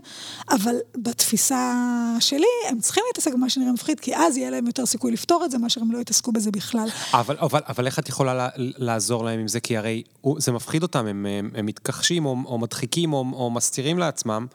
מה, את רק שמה להם את זה מול הפנים, או שאת אומרת, טוב, נפתור את הריב כדי שלא יהיה להם תירוץ יותר ל... יהיה להם, אם זה העניין, אף פעם אי אפשר לפתור את הריב, כי תמיד כן. ישמרו, כי תמיד ישמרו את ה fight הזה. תמיד ישמרו, יעשו כל מה שאפשר כדי, כדי לשמר את ה fight הזה, וגם אחד הדברים אה, המגניבים, אבל כמובן הטראגיים, זה שכשמספרים לי על הדפוק הזה, ואז הדפוק הזה מתחלף, הוא מתחלף תמיד בדפוק אחר, כאילו זה, הוא לא מתחלף אף פעם במאור הגולה, כאילו כן, זה מין כן, נס כזה, כן. רק הפוך. זאת אומרת, אם תמיד סמנכ"לי השיווק אה, מעצבנים, ואי אפשר למצוא שם סמנכ"ל שיווק וזה וזה, אולי יש מוצר שקשה לשווק אותו? נכון. או, לא הסמנכ"לי שיווק בעייתיים. או, או אגב, ספציפית נגיד עם, עם סמנכ"לי שיווק, אם להגיד, אז נגיד יש משהו נורא מעניין. כי שיווק היום זה תחום מאוד מאוד מאוד רחב, שדורש מיליון התמחויות, ו, ומצד אחד הארגונים יודעים שהוא סופר משמעותי, ומהצד אחר הם אף פעם לא יכולים לתקצב אותו כאילו במידה, במידה מספקת. ואז למשל, אחד הדברים שאני רואה, וזה אפרופו הבנצ'מרק הזה שיש לי, שלא משנה באיזה ארגון תהיה, סמנכ"לי השיווק יעבדו מאוד מאוד מאוד קשה, והמנכ"לים יהיו מאוכזבים מהם, כי אם הם טובים אה, בקניית, אה, אם הם, אם הם טובים בקנייה של... אה, לידים? בקנייה של לידים, אז הם לא יהיו טובים ב, mm. ב, ב, בחלקים, כן. בחלקים האחרים. למה אין לנו אינפלואנסרים? כן, למה אין לנו אינפלואנסרים? ואם, ואם, יודע, ואם יודעים לעבוד עם קופי, אז אין להם מושג ב, באיך, באיך, מה זה, מה זה הטיקטוק הזה. הם לא יכולים, זה נורא נורא נורא רחב, אז יש פה איזה משהו שהוא מבני. אבל יש פה משהו גם שהוא של חוסר אמון, אז כן אפשר לפתוח, לפתוח את הדבר הזה. אבל, כן. אבל השאלה היא תהיה, מאיפה הצוות של ההנהלה מוכן ויכול להסתכל על זה? כדי לפתור את זה, האם זה יהיה מתוך המקום של הגדרות התפקידים, האם זה יהיה מתוך היסטוריות קודמות של האנשים האלה, מתוך, כלומר, להזמין, להזמין את הניסיון שלהם ממקומות עבודה אחרים. להתבונן החוצה, להתבונן פנימה, לאפשר דיאלוג שהוא, יותר, אה, שהוא גם יותר פתוח והוא גם יותר בונה. זאת אומרת, הוא לא רק חקרני, אלא הוא, הוא, הוא חוקר, הוא משתף, הוא, הוא יכול לשתף גם פחדים אה, בתוך הדבר הזה, אבל אז הוא מחליט מה עושים, כן, ועושה אותו. כן. אני מחזיר אותך רגע ל ecosystem. Mm-hmm. את באה מבחוץ, ואני מניח שאת מרגישה תחושת אחריות מאוד גדולה. Mm-hmm. מצד אחד, זה לא החברה שלך. מצד שני, you could do some harm בפוטנציאל. אני חושבת שזה נכון, בגלל שאני לא מאמינה, זאת אומרת, אה, אני לא מאמינה נגיד לתרופות, או נגיד הומאופתיה או whatever, שאומרים, אנחנו לא יכולים להזיק, אנחנו יכולים רק להועיל. אני חושבת שכל מה שיכול להשפיע יכול לעבוד כן, לכל מיני כיוונים, כן. נכון? ותמיד אפשר לקחת את זה נכון. למקום הלוגי של כאילו גם לא לעשות, זה סוג של לעשות. נכון, מה יכול נכון, נכון. אם לא הייתי עושה את זה וכו'. נכון, וכו'. אני וכו'. לגמרי רוצה להשפיע, עכשיו... ולהשפיע יכול להיות לכל מיני כיוונים, וגם יכול להיות שאני אעזור במשהו ואפגע במשהו אחר. כן, בדיוק, אז זה מה שבאתי להגיד, כי זה האקו-סיסטם הזה, אז עכשיו...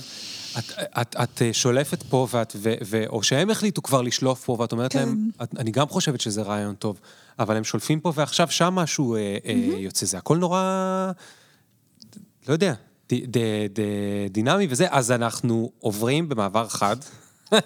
כשאתה משאיר את, כשאתה משאיר את המאזינים עם החרדה הזאת, שאני אשלוף דברים מכל מיני. מקומות, ולא אחזיר לא. שום דבר אז למקום. יאללה, אז לא, לא, יאללה. בסדר, בסדר. שיחיו, אמרנו, עם הרווח הזה, עם הסימן שאלה הזה. בסדר. לא, תני לי כן. בכל זאת. את לא מפחדת לעשות את זה. אני חושבת שאני זהירה. אני, אני, אחד הדברים שאני מאוד משתדלת להיות, זה אמיצה, ואני גם משתדלת לתת אומץ ל, אה, אה, לעזור להיות אמיצים ל, אה, למנהלים שאני עובדת איתם, כי אני חושבת שאומץ זה דבר מאוד מאוד חשוב. אה, אני משתדלת להיות זהירה וקשובה, ואני משתדלת להיות, אה, לאפשר שבתהליכים האלה אה, יישמעו קולות. ואז אני יכולה לקוות שאם אפשר לדבר בפתיחות, לא נעשה איזה, נתפוס איזה כיוון אה, מפחיד מדי ומסוכן מדי, שאף אחד בארגון לא יגיד ולא יקשיב של תקשיבו, אנחנו פה עומדים להתנגש בספינה. כן. אוקיי, אוקיי. אז עכשיו, אה, מאחר והוצאתי לאחרונה ספר למנהלים, אני רוצה לשאול אותך, בתור מי שעובדת עם מנהלים הרבה מאוד, ובטוח הרבה הרבה יותר ממה שלי יצא, מנהלים שהם לא אני, אה, מה הקשר בינך, לדעתך, בין מנהלים למושג שמחה בעבודה? והאם זה בסגווי קשר- כזה, והאם זה כן. קשר הפוך? אוקיי, זו, זו שאלה מצוינת, ואיזה יופי ששאלת אותה, כן. אמ, אני, אני יודעת ש... קודם כל, קודם כל צריך לדבר על שמחה בעבודה כמשהו ש... כמשהו ש... אמ, סורי. בזה אחר כך. סליחה, אני רצתי לח- אני רצתי כן, לכבות את כן, המזגן כן, מבלי כן. להסביר מה אני כן, הולך כן, לעשות. כן, לא, בסדר, לא חשבתי שאתה... אוקיי. מכבה את האור ובורח. בדיוק, או שבדיוק כשאנחנו מדברים על שמחה ואתה כאילו עוזב את החדר, זה כן, משאיר אותי. זה- הולך לפרוץ בבכי. אז אני חושבת ששמחה... מעלה לי דברים. כן, נכון, נכון, נכון. צריך להגיד, צריך להגיד ששמחה בעבודה היא כמובן לא מושג שלא, שלא נולד מ...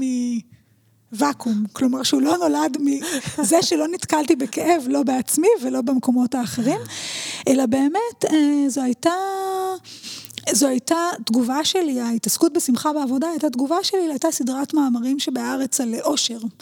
ואני, יש לי דברים להגיד על המושג אושר, אני חושבת שהמושג אושר הוא טיפה דיסני מדי בשבילי, ו- ואני גם חושבת שאושר אה, זה, זו יכולת שיש בה מן המולדות. זאת אומרת, אני חושבת שיש אנשים שיש להם יותר יכולת לאושר ופחות. ו- ולעומת זאת היה לי מאוד חשוב אה, להסתכל על היכולת להיות בשמחה. במובן הזה של, אה, של לראות איפה, במקום, אחד המקומות שאנחנו מבלים בהם את רוב חיינו, ומאוד משמעותי לרובנו בכל מיני דרכים, יזמים או לא יזמים, לראות איפה אנחנו יכולים להסתכל על זה ולתבוע מעצמנו ומהסביבה שלנו, שאנחנו נשאל את השאלות האלה על שמחה בעבודה. לא אושר, שבעיניי זה איזה מין פלטו כזה, כאילו קצת איזה מין אה, אה, אולי אופורי, אולי מנותק, לא יודעת אם הדבר הזה יכול להיות קבוע, לא בעבודה ולא בחיים, אלא האם אנחנו יכולים להסתכל על העבודה, או על עצמנו בעבודה, או על האנשים שאיתם אנחנו עובדים, ולהגיד שיש מספיק דברים שמשמחים אותנו. זאת אומרת, אה, אה, לאסוף, לאסוף את נקודות השמחה. והקשר של, אה, של מנהלים ושל ארגון, לשמחה בעבודה הוא קודם כל קשר ישיר, כי אחד הדברים הכי מהותיים לשמחה בעבודה זה הבוס הישיר. זאת אומרת, אנשים יכולים ועובדים בעבודות נפלאות, מתגמלות מאוד, תפורות על הכישרון שלהם ויכולות להקפיץ אותם מקפצה אדירה בחיים, כספית ומקצועית, אבל יהיה להם בוס לא טוב, או אפילו הוא לא יהיה לא טוב, ולא תהיה, לא תהיה ביניהם כימיה והם לא יצליחו לפתור את הדבר הזה. כן. הם לא יהיו מאושרים בעבודה, אלא הם יהיו די אומללים בעבודה. אז קודם ו- כל הקשר... וגם- וגם לא... לא. פרודוקטיביים. לא, אה, וגם נכון. לא בעבודה. הם יהיו גם נכון. מאושרים גם לא בעבודה, גם מחוץ לעבודה, כי הם נכון. כל היום התלוננו על זה שלא נכון, רואים אותם ולא מתחשבים בהם. זה יהיה להם מאוד מאוד קשה. והבוס שלנו בעבודה אה, אה, הוא אדם מאוד מאוד משמעותי לנו. ביכולת שלו לראות אותנו, ביכולת, לכן מאוד אהבתי את מה שכתבת בהקדשה של הספר שכתבת, הקדשת לבתך וייחלת לה שיהיו לה מנהלים, ומנהלות אני מוסיפה, שיראו אותה. כי הדבר השני שבעיניי רלוונטי, אה, שבעיניי חשוב ומאוד אה, ממש קריטי, אי אפשר בלעדיו, שיראו אותנו בעבודה. אני חושבת שאנחנו הולכים לעבודה, אנחנו הולכים לעבודה כדי להתפרנס, כדי להתפתח, אני חושבת שאנחנו הולכים לעבודה כדי שיראו אותנו. מה זה אומר לראות אותנו? איך את אה, מפרשת את זה? אני חושבת שזה קודם ממש במובן הכי בסיסי של, אה, של, של, של כמעט הפיזיות, ואני חושבת שבהקשר הזה העבודה מרחוק מאוד פוגעת בדבר הזה. אה, אני אתן, אה, אני אתן דוגמה, אם אני מסתפרת, ואף אחד לא רואה שהסתפרתי, האם הסתפרתי? אוקיי? כן. זה לראות גם, ב, גם במישור הזה, אבל זה לראות אותי אופטימלית, אה, ארגון טוב, ואני אומרת את זה, הנה, הנה זו דוגמה למה זה ארגון, וזה לא רק המנהל, אלא ארגון טוב מכשיר את מנהליו לראות את העובדים במיטבם. כלומר, לא רק את הצד הטוב שלהם, לא רק את הצד הלא טוב שלהם, אלא מה הם יכולים להיות.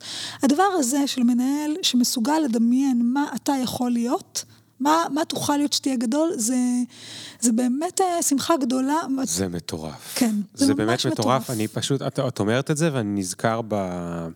אני הייתי עתודאי שש שנים, ורגע לפני סיום העתודה, אה,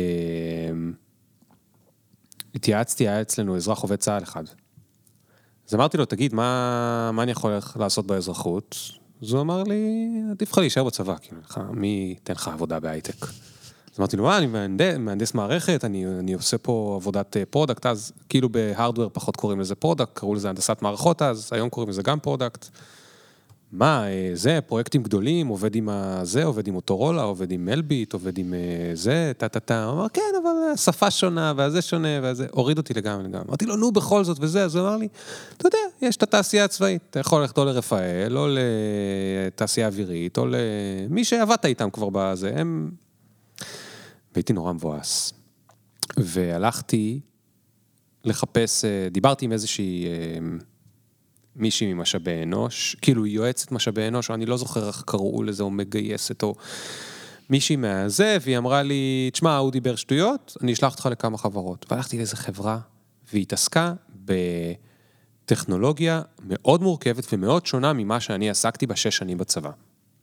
ואצלי בראש היה שאם יש לי איזשהו סיכוי לקבל עבודה, זה יהיה כי אני אביא את המומחיות ששש שנים זה, שזה היה ספציפית ברשתות סלולריות. בסדר?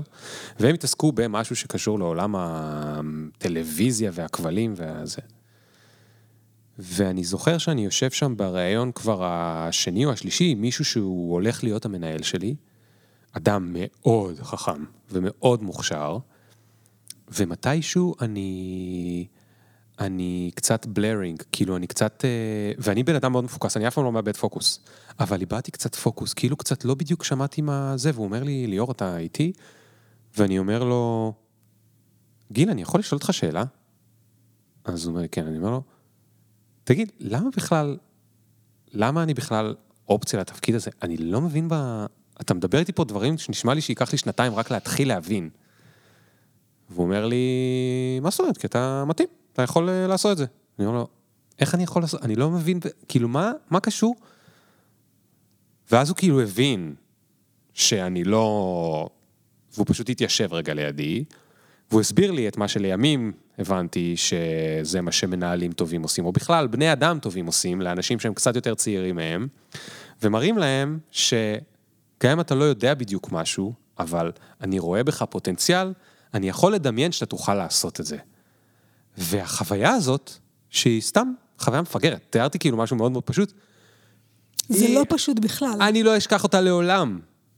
ו- ואני ניסיתי כמנהל לשחזר אותה, לא כבולשיט, אלא כמישהו שהאמנתי בו וזה, mm-hmm. וזה מטורף. לבוא למישהו ולהגיד לו, אני חושב שאתה יכול לעשות יותר ממה שאתה עושה כרגע, ויכול להיות אפילו יותר ממה שאתה חושב שאתה יכול לעשות, זה משנה חיים.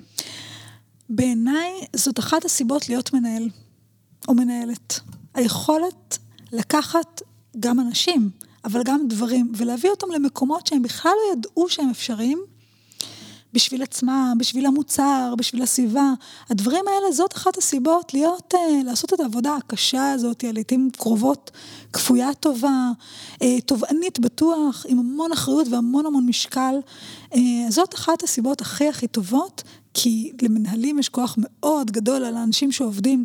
לא רק מתחתיהם, אלא גם איתם, והיכולת הזאת לאפשר לאדם לצמוח מעל ומעבר למה שהוא העלה על דעתו, זה, זה דבר נפלא. וזה זה, זה בעיניי לעשות יש מאין. כאילו, אם קודם היה פיזיקאי, אני חושבת שבפיזיקה זה לא קיים. כאילו, ליצור יותר. כן. לקחת אחד ועוד אחד ולעשות שלוש. אני חושבת שזה דבר נדיר וזה דבר יוצא דופן ו... ומאוד מאוד חשוב. אז זה דבר שעושה שמחה בעבודה לא אה, חמוד, כי קיבלת איזה סוואג, איזה תיק, כן. איזה תיק אה, ממותג אה, בדבר הזה, שזה שמחה, נכון, זה מגניב, כאילו המון מתעסקים בדברים האלה ו... וזה כיף, אני, אני באמת, אני ממש חסרות לי שמיכות טלוויזיה, שבהיותי עצמאית, אני לא מקבלת מספיק שמיכות טלוויזיה ממותגות. מטריות? אה, מה? מטריות? בטח שלא. על אחת כמה וכמה. אה, אבל, אבל הד, הדבר הזה של, זו באמת שמחה באופן העמוק, זאת אומרת, לדעת מה אתה יכול לעשות. וזה למשל דבר, אחד הדברים הכי משמעותיים שמנהלים אה, יכולים לעשות בשביל האנשים שעובדים להם ובשביל הארגון, להיות ארגון שעושה את הדברים האלה. עכשיו, השמחה בעבודה, ב, אה, אה, בפוסטים שכתבתי, ואחר כך גם התראיינתי, זאת אומרת, דיברתי על זה, דיברתי על זה, ופתאום התברר שזה נגע בעצב מאוד, מאוד הדהד אצל... אצל המון אנשים, ואחר כך הוזמנתי לכל מיני הנהלות, באמת בטווח מאוד מאוד רחב שאני לא רגילה, מבאר שבע ועד קיסריה, ועד קיסריה בסוגים שונים של הנהלות, לדבר, לדבר מולם ואיתם על שמחה בעבודה. והתברר שזה דבר נורא נורא משמעותי, ויש שם עוד, אני מניתי עוד כל מיני דברים שגורמים שמחה בעבודה, חלקם גורמים לי. למשל, אני מאוד אוהבת ללכת ברגל, או בכלל הפיזיות, זאת אומרת, לא לשבת במשרד כל היום, אלא ללכת, לעשות דברים שהם בתנועה. אה, אז בסדר, יש לי את המחקרים להוכיח שכשאנשים שהולכים לעבודה שלהם, נקודות האושר שלהם, באמת מבחני אושר, עולות משמעותית. כן. אבל בסדר, לא כולם יכולים לעשות את הדבר הזה. אה, ויש, ויש דברים אחרים ש, שיכולים אה, להיות שם והם, שיכולים, שאפשר לקחת מתוך הרשימה הזאת. אוטונומיה. אוטונומיה זה דבר מאוד מאוד מאוד חשוב, וזה הולך ונעשה חשוב יותר ויותר לכל הדורות, לדורות של עכשיו. אוטונומיה. אנשים מוכנים לשלם על זה המון. על, על להיות אוטונומיה, להיות, להיות אדונים לעצמם ולהיות אדונים לעצמם, אבל שים לב אבל שעדיין יראו אותם. כן. זה לא בא במקום שיראו אותם. אני חושבת, מה שאני רוצה לומר, יש שם איזה אה, אה, שבעה גורמים אה, או משהו כזה. וזה משנה, שווה להסתכל על הדבר הזה ולראות את זה, כי, כי זה מין סוג של סרגל שאפשר למדוד וגם אפשר לשפר את זה, אבל יותר חשוב אולי מהדבר הזה, זה, זה לבוא ולעשות את הדיון הפנימי, כי זה מה שהיה במפגשים האלה שלי, אה, ממשרד, אה, ממשרד אה, ממשלתי שמטפל באוכלוסיות מאוד קשות, ודרך, אה, ודרך אה, כל הנהלת משאבינו של, של חברת, אה, של מלונות אה, יוקרה, אה, ודרך חברות הייטק ו, אה, ומנהלות משאבי אנוש של, אה, של סטארט-אפים. ואצל כולם בכלל ההתבוננות הזאת הפנימית של מה גורם לי טוב, מה עושה, מה מאמלל אותי בעבודה, מה משמח אותי בעבודה, ובכלל מה אני יכול לעשות עם הדברים האלה, זו הייתה שאלה שהפיקה המון מהקבוצה כן. הזאת, אה, כולל דברים שאחר כך שמעתי עליהם, של החלטות שהתקבלו ודברים וצעדים שנעשו, עם כל מיני דברים שחלקם עולים כסף, לא נכחיש זאת. בוודאי חלקם הגדול משמעותי בקשב הניהולי, שזה דבר בעיניי שאי אפשר למדוד אותו מיד בכסף, אבל הוא דבר מאוד מאוד יקר.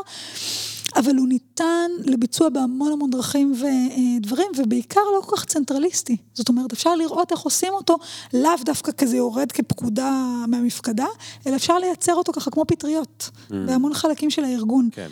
נכון, כי סתם, אם אמרנו הליכה, ואם מנהל יחליט לעשות את הפגישות השבועיות שלו בהליכה, עם, אה, עם עובדים, תוך כדי שהם מדברים, אז, אז הם כבר השיגו, היה לי מישהו כזה שניהלתי, שניהל הרבה אנשים ב-R&D, ועשה את כל הפגישות שלו בהליכה, וזה היה מדהים. נכון, אני... אני חיכיתי לפגישות שלי. אני עושה פגישות ייעוץ בהליכה, חלק באמת? מפגישות הייעוץ שלי הן פגישות בייעוץ בהליכה. מדהים. אה, כן, כן, זה מאוד תלוי במזג האוויר. עכשיו, עכשיו... וזה, וזה מייצר משהו אחר. עכשיו, תגידי, הנה, אני מביא אותך לקראת סיום לנקודה שהיא... לאחרונה התראיינתי בהרבה מאוד פודקאסטים על הספר, ויש שאלה שחוזרת הרבה מאוד פעמים, ואני רוצה להפנות אותה אלייך ולשמוע את דעתך. Mm-hmm. ואני רגע אחבר אותה עם מה שסיפרת. סיפרת מבאר שבע ועד קיסריה, ואחר כך שאמרת את הזה, אמרת אה, משאבי אנוש ומשאבי אנוש ומשאבי אנוש. שמעתי המון משאבי אנוש. אני יכול להבין, ממש בקלות, איך משאבי אנוש מבינים וחשוב להם שמחה בעבודה. אני פחות באינסטינקט מנחש שהנהלות בחירות שהן לא משאבי אנוש מתחברות או חושבות יותר מדי על הקונספט של שמחה בעבודה. זאת אומרת, יש גם צדיקים, כמובן, אבל המקום של משאבי אנוש הוא בדרך כלל יותר אמפתי וחושב ו- וזה, אבל uh, הרבה פעמים המנהלים, הם רוצים פרודוקטיביות, execution, תוצאות, מחר בבוקר ובעוד חודש ובסוף הרבעון, זאת אומרת, לא רק עכשיו מחר בבוקר, גם מחר בבוקר וגם זה, עם הלחץ והזה, ושמחה בעבודה זה מין כזה third או seventh או 12th priority, ואני אחבר את זה לשאלה ששאלו אותי, ו- ו- כי, כי זה קשור. אמרו לי בכל מיני פודקאסטים, תשמע, יושבים חבר'ה, קוראים את הספר שלך, ספר מאוד נחמד, גם אנחנו קראנו, אוקיי, יש דור צעיר שמבין שמנהלים ראוי שיראו את העובדים שלהם, ייתנו להם אוטונומיה, יתחשבו בהם, אה, יהיו אליהם שקופים, ירצו ל- ל- לכלול אותם בתוך הסיפור הזה. מעליהם הרבה פעמים יש את הדור הקודם, שהוא ממש ממש ממש ממש ממש לא בקטע. שהם אמרו, מה יעשו עכשיו אותם מנהלי דרג ביניים וזה, שקראו את הספר, או הלכו ושמעו הרצאה של כנרת, או whatever, אמרו, או קראו כל מאמר של Harvard Business Review שיש היום, שמדבר בדיוק על הדברים האלה. כל מאמר של כל, כל אחד קטן, כל אאוטלט קטן, וכולם כבר הבינו את זה, זה כבר, זה כבר... מה הם, איך הם אמורים עכשיו לנהל למעלה, כדי שייתנו להם בכלל את האפשרות לעשות את זה. כי מלמעלה מחכים להם עם נבוטים. זאת שאלה, אחד הדברים הכי, אה, גם מתסכלים, אבל גם מאירי עיניים, שכש...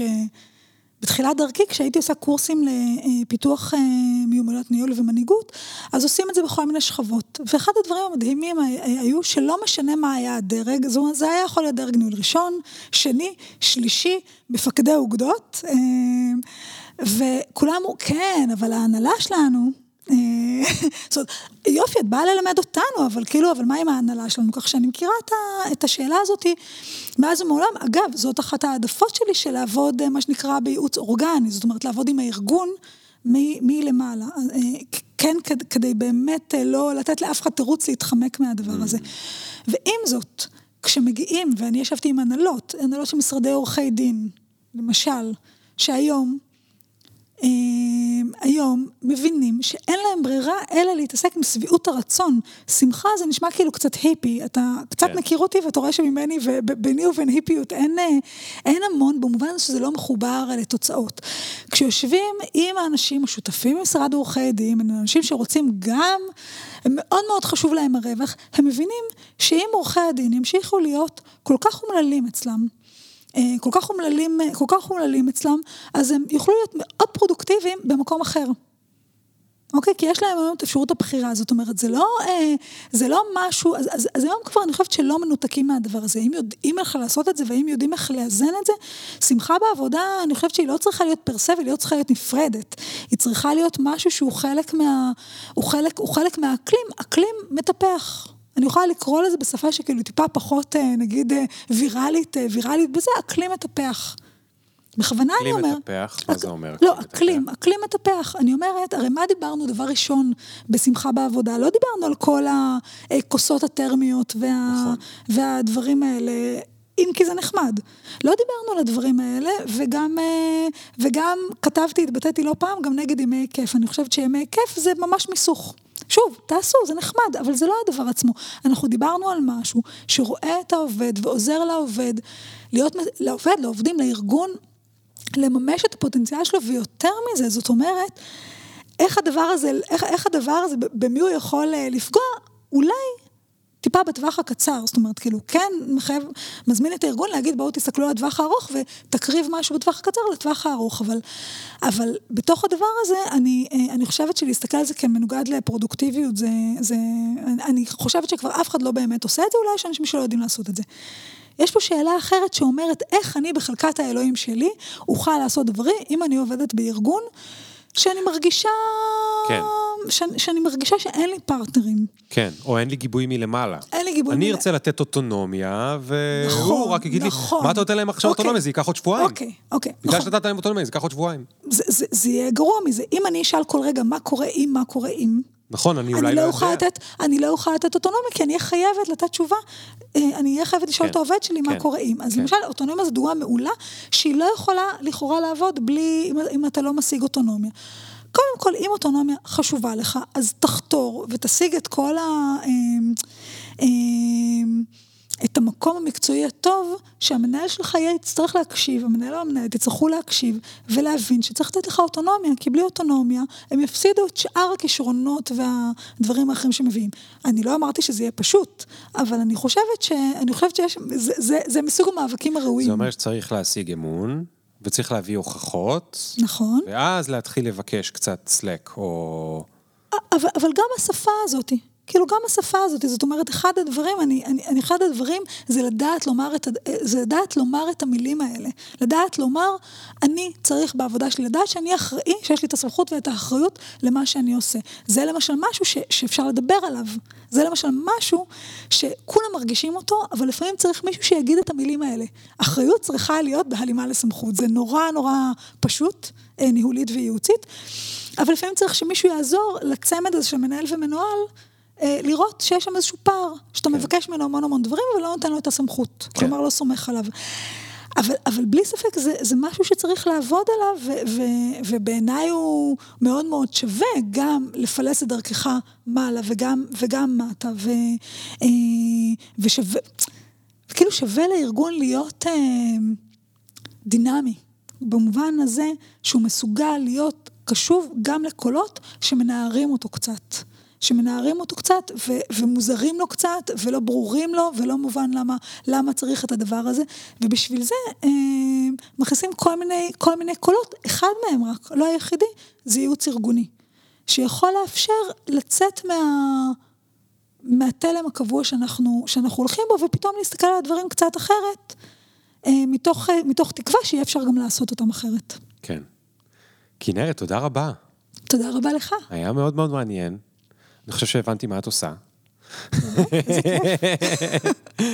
אה, כן, אה, אני כמובן מיתמם, אני נפגשתי בעבר, אבל אה, את יודעת, גם זה שאני נפגשתי במשהו לא אומר שאני באמת יודע, כי ראיתי אולי רק כמה פנים של הדבר, ויש ארגונים יותר גדולים, ויש ארגונים יותר ותיקים, ויש זה, אז, אז היה מאוד מאוד מעניין. אני מאחל לכולנו שנצליח להתגבר על הטנטרום. אה, ולזכור שלכולם יש קשיי צמיחה וקשיי גדילה, וזה חלק מה... חלק מהמשחק, ומי שלא אוהב, אז אה, שלא ילך, שלא ישחק את המשחק. אה, וזהו, ותודה רבה על, אה, על כל השיתוף. תודה רבה, נורא כיף.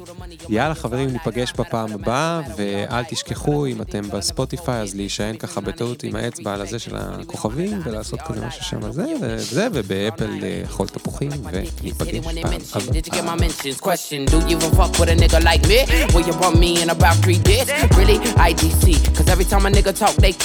the big up picture. Fuck your filter, me can't go run, but me can't repeat. No.